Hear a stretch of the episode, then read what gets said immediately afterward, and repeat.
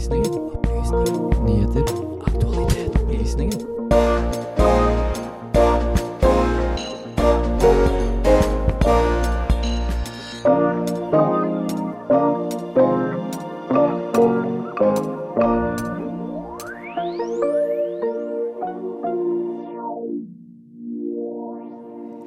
Russland har gått til krig mot Ukraina.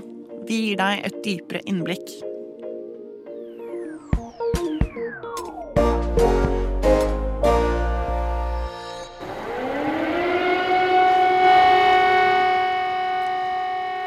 Fredag her på Radio Nova, og du hører på Opplysningen 99,3.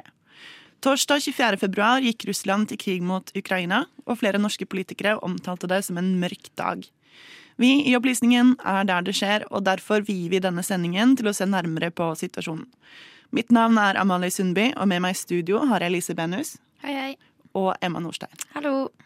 Før vi går videre med dagens saker, så skal vi høre en liten oppsummering av hvordan situasjonen står, forklart av eh, Benjamin Nordtømme. Ja, hei, hallo. Håper dere kan uh, høre meg. Ja da. Yes. Uh, slik det står, er det uh, Ja. Det er et par gode nyheter, eh, og det er et par dårlige nyheter. Jeg skal forklare kjapt eh, kort nå hva som skjer i talende stund. Så akkurat nå meldes det om et par små angrep på bakkenivå i Kyiv. Men jeg skal forklare hvorfor det ikke er så farlig som det kan høres ut som, og ikke er så skummelt. Dette er noe det ukrainske forsvaret har forberedt seg på ganske lenge. Eh, Så vi hører nå eh, rapporter om at eh, russiske sabotører kler seg i ukrainske uniformer, og da ja, iverksetter små, småskala sabotasjeaksjoner.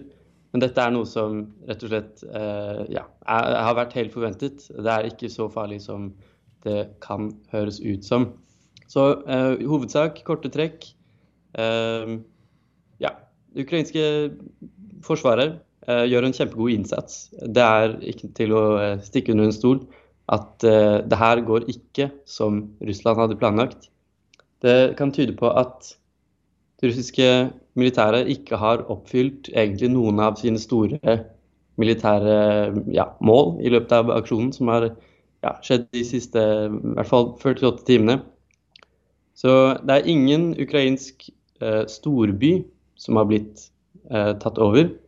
Så eh, Kiev, Kharkiv, Odessa Disse byene er fortsatt i myndighetenes eh, kontroll, og det er jo helt sentralt at innsatsen som iverksettes nå, eh, tappert, må jeg si, eh, ja, har vært relativt suksessrik. Et annet punkt å få med seg nå er at det er veldig stor økende intern ja, intern motstand i Russland. Så eh, ja, vi får også meldinger om at det er ja, meldt om eh, store demonstrasjoner i flere russiske byer eh, nå videre i dag. Ja, takk for den oppdateringen, eh, Benjamin. Vi skal høre mer fra Benjamin senere i sendingen, men først litt musikk. Og så er også Radio Nova her for å gjøre opptak til sendingene sine. Opplysningen. Vi er der det skjer. Opplysningen 99,3.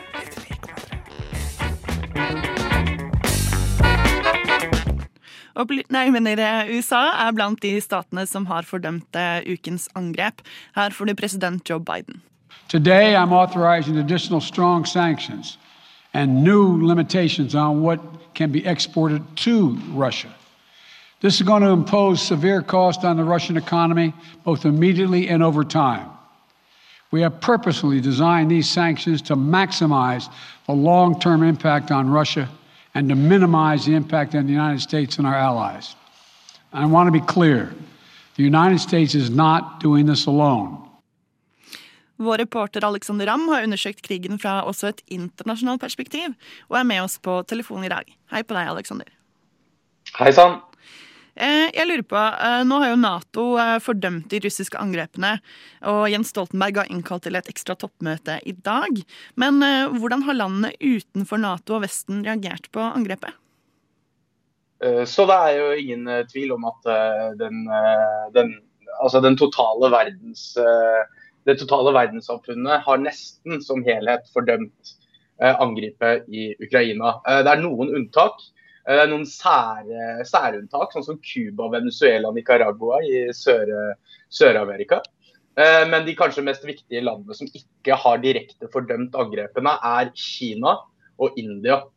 Um, Kina har blitt konfrontert med spørsmål om eh, invasjonen i Ukraina, men eh, ønsker egentlig ikke å snakke så mye om det. Eh, de, de, men når de blir spurt om det, så, så blusser de heller opp eh, dette med at eh, De snakker ikke så mye om hva Russland har gjort, men de, eh, eh, de snakker om hvordan USA egentlig har vært provokatør til den situasjonen som nå utspiller seg.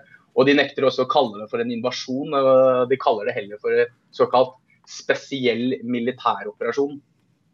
Eh, mens et annet land er jo også India. Eh, India har eh, ikke direkte sagt at de, er, at de støtter Russland. Eh, de har ytret et veldig sterkt, eh, en sterk bekymring rundt eh, den eskaleringen som har skjedd. Og de har jo snakket om at de kaller for deeskalering fra begge sider og ønsker at diplomatiet skal slå igjennom. Det som, er, det som man også kan se på, er jo litt grunnlaget for hvorfor de ikke velger å, å fordømme angripene. Kina har jo til og med gitt, eh, har nå de siste dagene eh, kommet frem til at de ønsker å eh, støtte Russland i den grad at de har åpnet for å kjøpe masse kornprodukter fra Russland, som gir Russland mer finanser. Men de har også liksom tidligere de har tungt investert i Russland. Både infrastruktur, de har støttet med kapital for å drive infrastruktur og utvikle nye eh, olje- og gassletingsområder. Eh, mens India er litt rarere, kanskje for mange. eh, men eh, det har seg slik at India har et veldig sterkt forsvarssamarbeid med Russland. Og i avtalen mellom Russland og India så har de vært veldig klare på at man ikke skal gå inn i hvert lands såkalte innenrikspolitiske vedliggende. Så India, og Russ India sin, sitt ståsted er litt sånn De ønsker at diplomatiet skal slå gjennom, mens Kina er mer sånn ønsker ikke egentlig å kommentere saken i det hele tatt. Ja. Um, Ukrainas eh, utenriksminister har jo bedt verden om å komme med sanksjoner mot uh, Russland, og mange har jo allerede satt i gang disse. Men hvordan fungerer egentlig uh, sanksjonene? Har de noen effekt? Så Det kommer veldig an på hva du mener med uh, effekt. Russlands utenriksminister eh, Sergej Lavrov eh, har jo gått ut og sagt at Russland egentlig har sett på sanksjoner som eh, noe som kommer uansett hva de gjør. På økonomispråket så er det litt nærliggende det konseptet med, som heter sunk cost, som går ut på at du tar ikke beslutninger basert på såkalte sunk cost. Så i denne situasjonen her så har antagelig ikke sanksjonene eller eh, mulighetene for sanksjonene vært en del av beslutningsgrunnlaget for Russland til å invadere, for de har ansett at sanksjonene vil komme uansett hva de gjør. Eh, Men hvis du ser på påvirkningen fra sanksjonene, så er det jo klart at eh, mange av de som har kommet, har økonomiske følger for Russland. Både Storbritannias Boris Johnson og USAs Joe Biden har snakket om at de ønsker å komme med sanksjoner som påvirker direkte de finansielle institusjonene i, i Russland. Eh, men de snakker også veldig mye om disse oligarkene, disse rike menneskene i, i Russland som de mener er med på å liksom holde oppe eh, staten Russland. Så sanksjonene vil nok ikke stoppe Russlands invasjon, eh, for det virker som at Russland også har siden 2014. Det rapporteres også om at, Kina, nei, at Russland skal ha opparbeidet seg et eget innenriksfond. Du kan sammenligne litt sånn som med oljefondet. Eh, Som har blitt bygd opp rett og slett sånn som oljefondet også har vært eh, i Norge. Eh, Når det er krisetider, så skal det hjelpe til at økonomien går rundt. Og det, Siden 2014 så skal Russland ha opparbeidet sitt fond for å motstå mange av de økonomiske sanksjonene som de forventer å få. Og De har vel kanskje også til og med angrepet, med basis i at de nå mener at det fondet er stort nok til å demme opp for de økonomiske konsekvensene som kommer av, kommer av sanksjonene fra Vesten. Em, men eh, altså, Russland har egentlig så vidt hatt økonomisk vekst siden 2014, de sanksjonene som allerede var på landet da. Eh, og Det har jo veldig stor betydning for den økonomiske utviklingen i, i Russland. Det står egentlig på stedet hvil fram til sanksjoner letter. Så det har, det har, påvirkning. Men hvis vi ser på invasjonen, så ser det ikke ut som at sanksjonene vil ha så veldig mye å si for per nå, eh, basert på de sanksjonene som er blitt innført, at Russland stopper invasjonen og eventuelt går tilbake til diplomatibordet. da. Men hva slags kort stiller Russland med i forhold til resten av Europa og um, deres posisjon, da? I forhold til det å gå i krig og da komme i konflikt med nesten resten av verden, og spesielt da Europa? Ja, altså det, En ting som har blitt snakket veldig mye om, er jo eh, Europa sin eh, avhengighet av russisk olje og gass.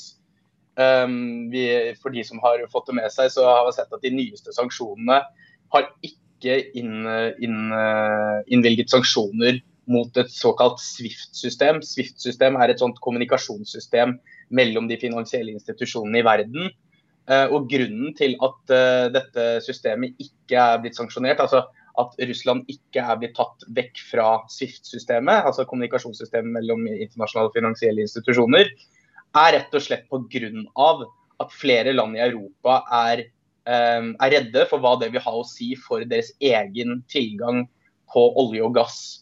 Um, Ukraina er jo veldig, uh, er jo veldig sinte pga. dette. De mener jo at det er for lengst tid til å slenge dem ut av dette systemet og ikke gi dem muligheter til, å, til de internasjonale finansielle systemene. Uh, men olje og gass er helt klart en, en hånd som Russland har på de vestlige landene. I tillegg så slår de til på et veldig kurant tidspunkt, egentlig. Eh, Pga. pandemien så er det flere økonomier i, eh, i, verden, men spesielt da nå i Vesten, da, eh, som sliter økonomisk. Eh, og kanskje til og med er mer redd nå til å innføre sterke sanksjoner som vil ha påvirkning på deres egen økonomi, enn tidligere, før f.eks. pandemien, når, eh, når økonomien sto sterkere. Eh, I tillegg så har man denne strømkrisen da, som har vært i flere europeiske land. og Energi fra Russland er jo med på å, å hjelpe til i disse strømkrisene. Og vi ser også det at eh, Brent Spot, som det heter, det er eh, den mest nærliggende for å måle prisen på olje og gass i, i markedet. Den har steget kraftig og nå over 100 dollar, som er liksom første gang siden 2014 at prisene har vært så høye. Så eh, vi ser at dette også har påvirkninger på, eh, på de europeiske landene. Og det er selvfølgelig noe som de er nødt til å ta hensyn til når eh, sanksjoner blir innført. Så Russland har noen kort, men man prøver så godt man kan å demme opp for det. Men ja. Tusen takk til deg, Alexander Ramm.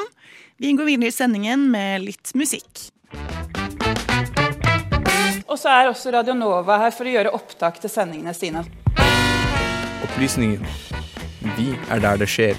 Opplysningen.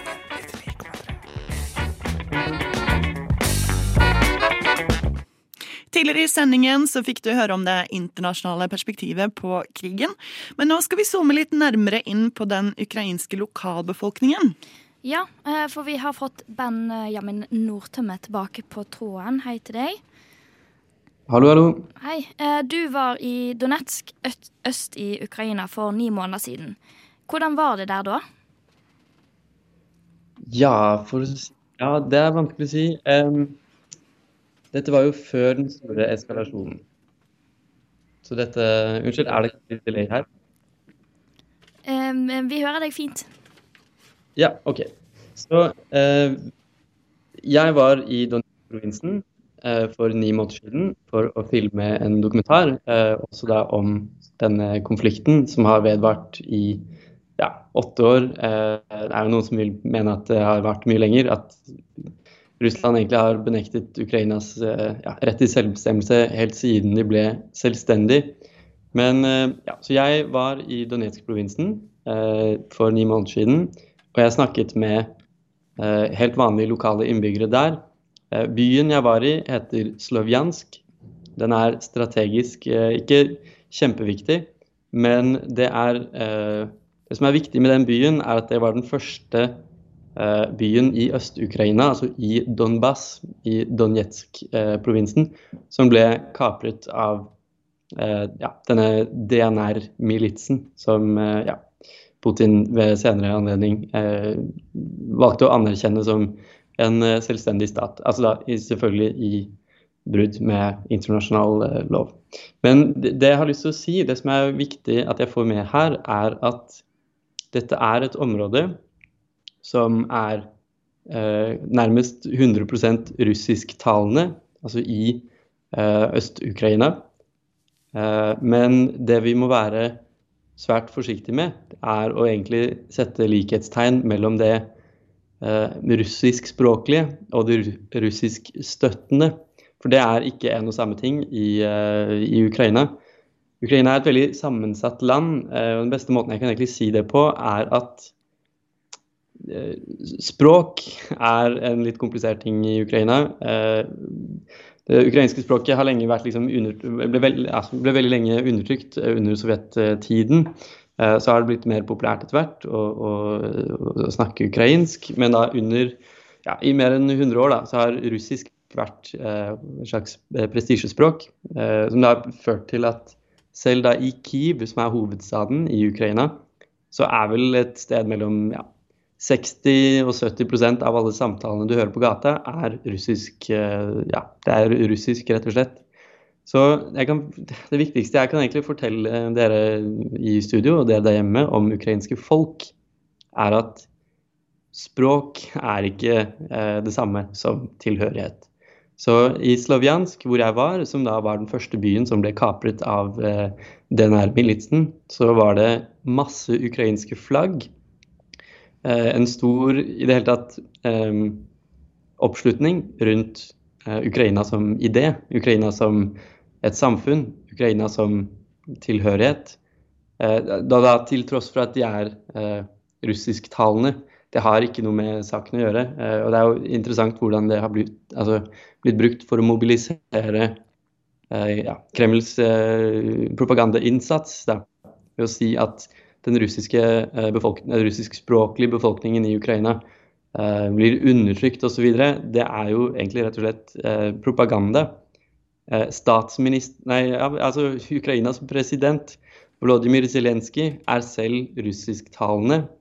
Eh, og ja, av jødisk bakgrunn også. Det er viktig å få med fordi rett og slett eh, ja, det, det kommer veldig mye absurde, rare påstander fra Kremls hold om at Ukraina er en eh, nazi-inspirert stat osv. Eh, men det faller jo fra hverandre ved første øyekast. Altså, man trenger ikke vite mer om Ukraina som samfunn eh, enn det at det er helt mulig for en jødisk-russisktalende eh, komiker å bli president og lede landet og styre landets forsvar eh, mot en invasjon. Eh, så det er et viktig, veldig viktig poeng å få med der. Eh, og Putin, uh, apropos Putin, han har uttalt at han vil avnazifisere Ukraina. Hva mener han egentlig med det? Ja, altså Kort fortalt så dreier det seg om en vinkling uh, fra Kremls hold om å prosjisere til de, de der hjemme i Russland som har et veldig nostalgisk forhold til andre verdenskrig, da Sovjetunionen var i krig med Nazi-Tyskland. Eh, og prosjisere da et bilde på Ukraina som en nazi-inspirert eh, stat. At det er eh, regimet i Kiev, at det skal være liksom en, en, ja, en nazistisk stat. Det er også, som jeg har lyst til å gjenta da, mang en gang, fullstendig Altså det, faller fullstendig fra hverandre. Det sitter jo ikke et eneste ytre høyre-parti i Ukrainas storting, Verkhovna Rada. Der er det ingen ytre høyre-representanter som er representert. Det sitter ingen nynazister i Ukrainas regjering. Så dette er jo ikke sant, ved å eh, ja, ved å egentlig eh, bruke det som et våpen, altså et eh, politisk propagandavåpen mot eh, den ukrainske stat og Ukrainas befolkning, er jo noe som eh, folk reagerer veldig sterkt på. Altså, hvis du snakker med ukrainere om dette, så er de eh, egentlig helt rasende over å få eh, det tildelt som eh, ja, som en merkelapp. Det er jo altså, det er fullstendig uh, det, det er utrolig merkelig, men man kan jo man kan forstå hvorfor man ønsker å feste en sånn knagg uh, for å da senere liksom ja, for, forsvare en invasjon av landet. Så det er jo det man hører på russiske statlige medier. Det er jo det som er ja, si, hele påskuddet egentlig for denne, denne, krigen. I hvert fall en del av det. Eh, ja. Um, hva er egentlig de største utfordringene den ukrainske befolkningen står ovenfor nå? Ja, kort fortalt eh, dreier det seg om en eh, humanitær eh, katastrofe. Egentlig en humanitær innsats som vi ikke egentlig har sett. Eh, ja, vi, har ikke sett det fulle av det ennå. Det er jo eh, ja, ganske mange eh, ukrainere som internt er på flukt. det er noe Ukraina har lang erfaring med. Så helt siden forrige invasjon i 2014 så har det jo vært ja, tre millioner mennesker som har enten, ja, enten måttet flytte på seg midlertidig eller permanent pga. Stridigheter. Så dette har de god, ja, god erfaring med å, å, å, ta hånd om. Så altså, primært vil jeg eh, legge vekt på det, den humanitære utfordringen. Det er det mange som eh, ja, vier oppmerksomhet til. så er jo ja, disse store flyktningstrømmene har vi ikke sett riktig helt ennå. Det er i Moldova, som er Ukrainas eh, naboland til sør, så er det ja, eh, satt opp telt, og den humanitære innsatsen der er uh, i gang med støtte fra Moldovas uh, innenriksministerium og lokal sivilbefolkning som støtter og møter ja, flyktende ukrainere med, med, med, varme og med, ja, med tak over hodet. Og det som er så det er, for så, det er for så vidt kanskje den aller viktigste utfordringen. Rent militært så handler det jo om å unngå eh, å lide for store tap nå tidlig i invasjonen. Det er eh, verdt å nevne at de russiske planene ikke er tilsynelatende ikke har eh, gått spesielt bra. Mm. Det sa jeg tidligere i sendingen i dag, eh, og det ja, kommer jeg til å eh, si mer om eh, ved, ja, ved utspørring. Mm. Siste spørsmål, da. Hvor kan norske borgere finne den mest troverdige informasjonen om situasjonen i Ukraina på bakken? På bakkenivå? Ja. Jeg vil komme med en anbefaling om å følge med i ukrainske Eh, hva, ja, hva, ukrainske kilder, eh, særlig da statlige ukrainske kilder, forteller. Eh, og en liten appell her til å også følge The Kiev Independent, som er en avis i Ukraina som er ja, si, ute i alle landets områder og rapporterer om Eh, informasjon. Eh, verifiserer, sjekker eh, sine kilder. Godt kildearbeid. ja, og rett og slett følge med der. er det mer ja, kan si, løpende, flytende informasjonsflyt enn det man gjerne kan få på store nettsider som må ja, rett og slett oppdatere og i det hele tatt ja, eh, bruker lengre tid på å formidle de tingene. Så beskjedene kommer aller, aller først i, eh, ja, i beskjeder fra ukrainske myndigheter og da eh, Kiev Independent. Verdt også nevne eh, russisk opposisjonsmedia. Kan ta med eh, TV Dozd, D-O-Z-H-D. Og eh, ja, Novaja Gazeta, som vant Nobels fredspris her vil jeg ja, eh, oppfordre til å følge og sjekke med eh, i de kanalene. Ja, eh, vi skal beholde Benjamin Nordtømme på linja, men før vi går videre, så skal vi høre My Friend Joe og låta I Heard The Things You Said. Og så er også Radio Nova her for å gjøre opptak til sendingene sine. Opplysningen. Vi er der det skjer. Opplysning.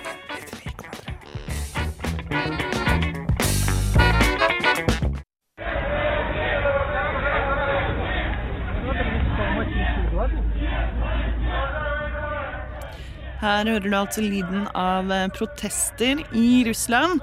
Eh, vi har jo nå hørt litt om eh, Ukraina, men Vi skal også få høre litt mer om eh, hva den russiske sivilbefolkningen eh, har på hjertet.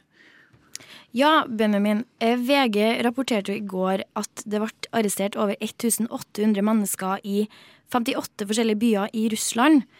Hvor står vanlige russere i denne konflikten? Ja, for å ta det. Det er noe som er tilsynelatende i ganske rask endring. Eh, De statlige mediekanalene i Russland har eh, ikke rapportert så veldig mye om eh, den russiske invasjonen. Inntil for bare 20 minutter siden så var det ingen på den statlige nyhetskanalene, altså i de statlige mediene som sa noe om at russiske styrker var utenfor Donbas-området. Så nå har selv statlige russiske medier gitt mer informasjon.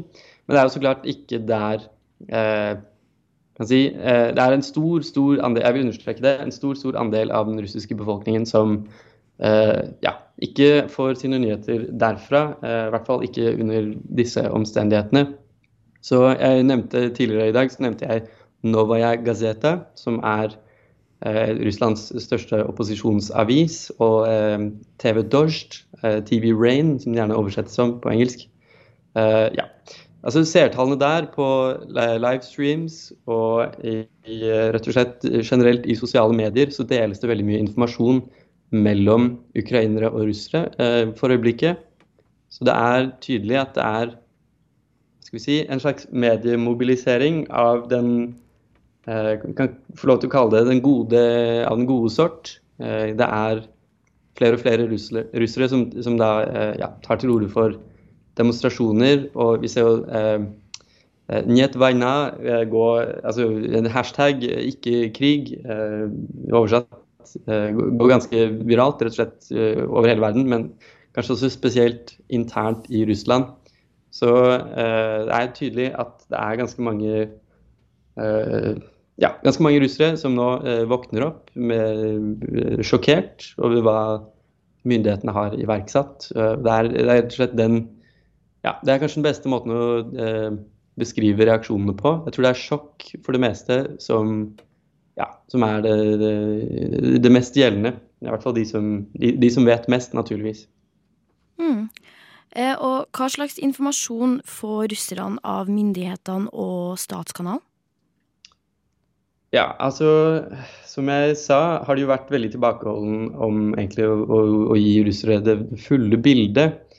Eh, så er det jo verdt å nevne at eh, Russia Today eh, har blitt hacket av Anonymous, denne, ja, dette hackerkollektivet. Det er, hva skal vi si, en Ja. Det er en innsats for å gi korrekt, verifisert, bedre informasjon til russiske borgere ja, enn det de ville ha fått i statlige medier. I statlige medier så skriver de om dette Eh, de bruker ikke betegnelsen krig i det hele tatt. Eh, av eh, strategiske grunner så kaller de det en vaieneye operatie, som betyr en ja, militær innsats.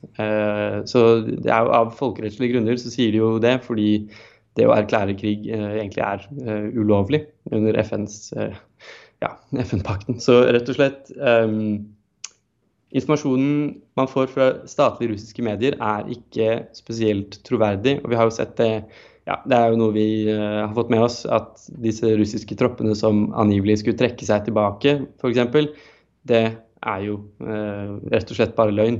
Så jeg tror vi skal være veldig forsiktige med å kjøpe eh, uttalelser og pressemeldinger fra statlig russisk hold. Eh, vi må ta det med en solid dose, altså solid klype salt, rett og slett.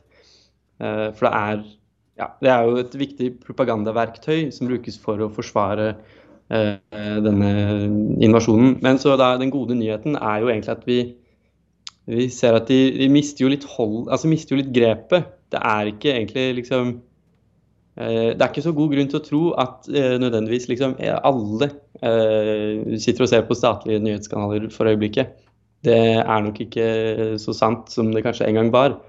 Det er jo, Midt oppi det her, det er jo en, en fin ting, rett og slett. Eh, ja.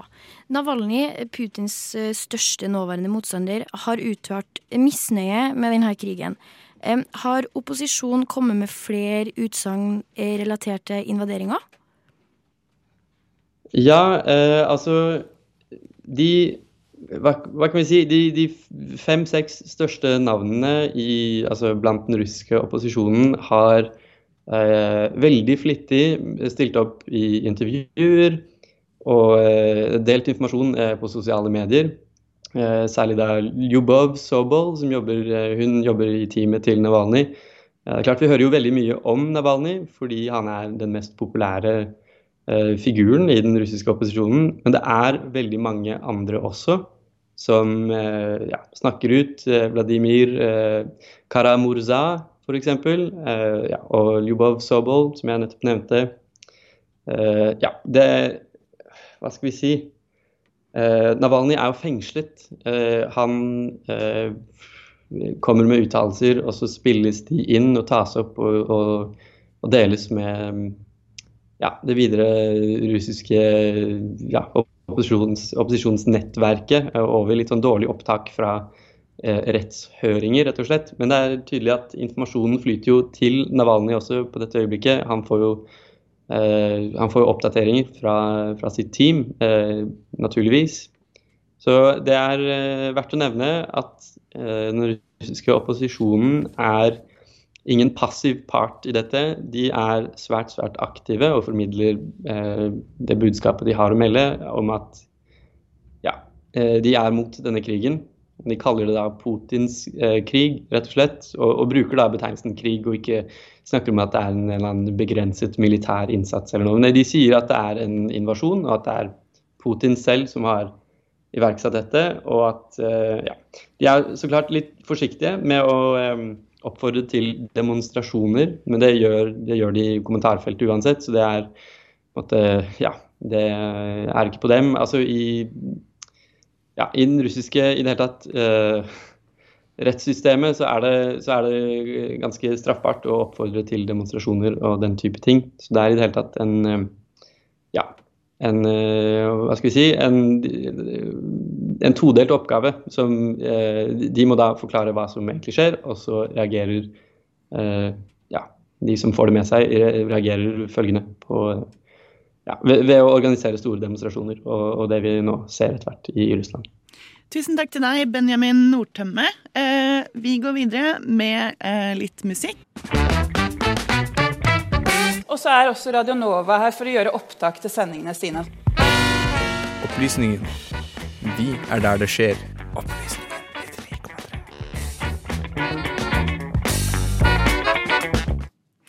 Tidligere denne uken så har vår reporter Daniel Johansen gjort et intervju med utenrikskorrespondent Simen Ekern. Og da har de bl.a. snakket om Tyrkias eh, relasjon til Nato og Ukraina. I går gikk situasjonen i Ukraina fra krise til krig. Hvor står Nato i dette bildet, og kan Tyrkia spille nøkkelrolle for å løse konflikten? Today we are facing the most dangerous moment in European security for a generation. NATO allies are united in their full support for Ukraine's sovereignty and territorial integrity within its internationally recognized borders.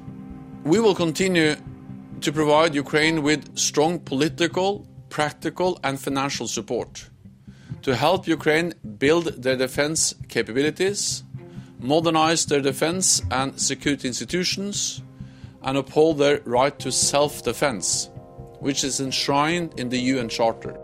Du hørte nettopp Natos generalsekretær Jens Stoltenberg tale under en Nato-konferanse tidligere denne uken. På tirsdag denne uken fikk Opplysningen låne en av NRKs utenrikskorrespondenter for å få et bedre innblikk i Natos posisjon i konflikten. Jeg heter Simen Eckern og jobber som europakorrespondent for NRK. Tyrkia og Russland har utviklet en tett allianse de siste årene. Hva har dette å si for Nato i konflikten med Russland? Ja, Tyrkia er en, en veldig interessant mellom posisjon her, så klart, som Nato-medlem, men samtidig også som et Nato-medlem som har valgt å kjøpe russisk eh, eh teknologi i sine eh, våpensystemer, har vært en hodepine for eh, mange av de andre Nato-landene. hva man skal gjøre med denne litt frie posisjonen som, eh, som Erdogan har hatt eh, i, i Tyrkia. Så skal vi også huske på at Tyrkia også har hatt et ganske nært forhold til Ukraina, og, og dermed også kanskje eh, representerer mange sider i, i den konflikten. Og, og, muligens også, i hvert fall har man vel tenkt på det fra, fra Tyrkias side, at i det så ligger det kanskje en, en mulighet til å fungere som en slags meglingsinstans. Nå har vi vel egentlig ikke sett noen tydelige tegn på at det eh, har vært tilfellet, men, men, det er klart det er et land som, som, som har en særegen eh, posisjon og en særegen eh, tradisjon innad i, i, i Nato-samarbeidet. Men akkurat hva det vil eh, bety eh, hvis denne konflikten nå tilspisser seg ytterligere, det tror jeg det er vanskelig å spå særlig om akkurat nå. Ladies and gentlemen, we are faced with a. Stoltenberg sier at vi står overfor en ny normal. Hva betyr egentlig den nye normalen for oss? Reporter i denne saken var Daniel Johansen. Du hører fremdeles på Opplysningen 99,3, og vi har fått Alexander Ramm tilbake på telefonen. Alexander, har det skjedd noe nytt siden sist? Eh, ja, altså det er, jo, det er, jo, blitt rapportert om eh, skudd som, eh, som, Benjamin nevnte tidligere. Eh, det har blitt observert eh, skudd eh, utenfor regjeringsdistriktene i Kiev. og president i Ukraina, Zelinskyj, har jo gått ut og snakket og, og fortalte om Det har jo gått rykter om at han har flyktet landet pga. sikkerheten sin. Han har jo gått ut i uh, nyhetene og gitt beskjed om at han er fortsatt i Ukraina. Uh, og at uh, noen av disse styrkene som skal være på plass i Kiev, skal tydeligvis være såkalte dødsskvadroner som er ment å ta ut han og hans familie. Hvor han rett og slett sa ganske tydelig jeg, står, jeg som president står øverst på listen over mennesker Russland ønsker å ta. Min familie er nummer to. Så det er vel kanskje det mest markante som jeg har lagt merke til eh, den siste tiden. Hva tror man at kan komme til å skje eh, fremover, og senere i dag spesielt? Altså, nå har jo eh, ved begge anledninger, begge kveldene hvor eh, Eller begge dagene som eh, Russland har drevet denne direkte invasjonen inne i ukrainsk område, så har jo dette skjedd om kvelden. Eh, så hvis det følger det samme sporet, så vil vi forvente at det nå vil være det vil selvfølgelig være konfrontasjoner der hvor eh, russisk og ukrainsk militær møter hverandre. Eh, og det kan godt komme noen små angrep her og der på eh, ukrainsk infrastruktur. Men det kommer nok til å være ganske stille frem til kvelden kommer og nye angrep skjer. For det, det virker som at det er kvelden som er utgangspunktet for de store angrepene fra russisk hold. Ja, eh, takk for det, Aleksander.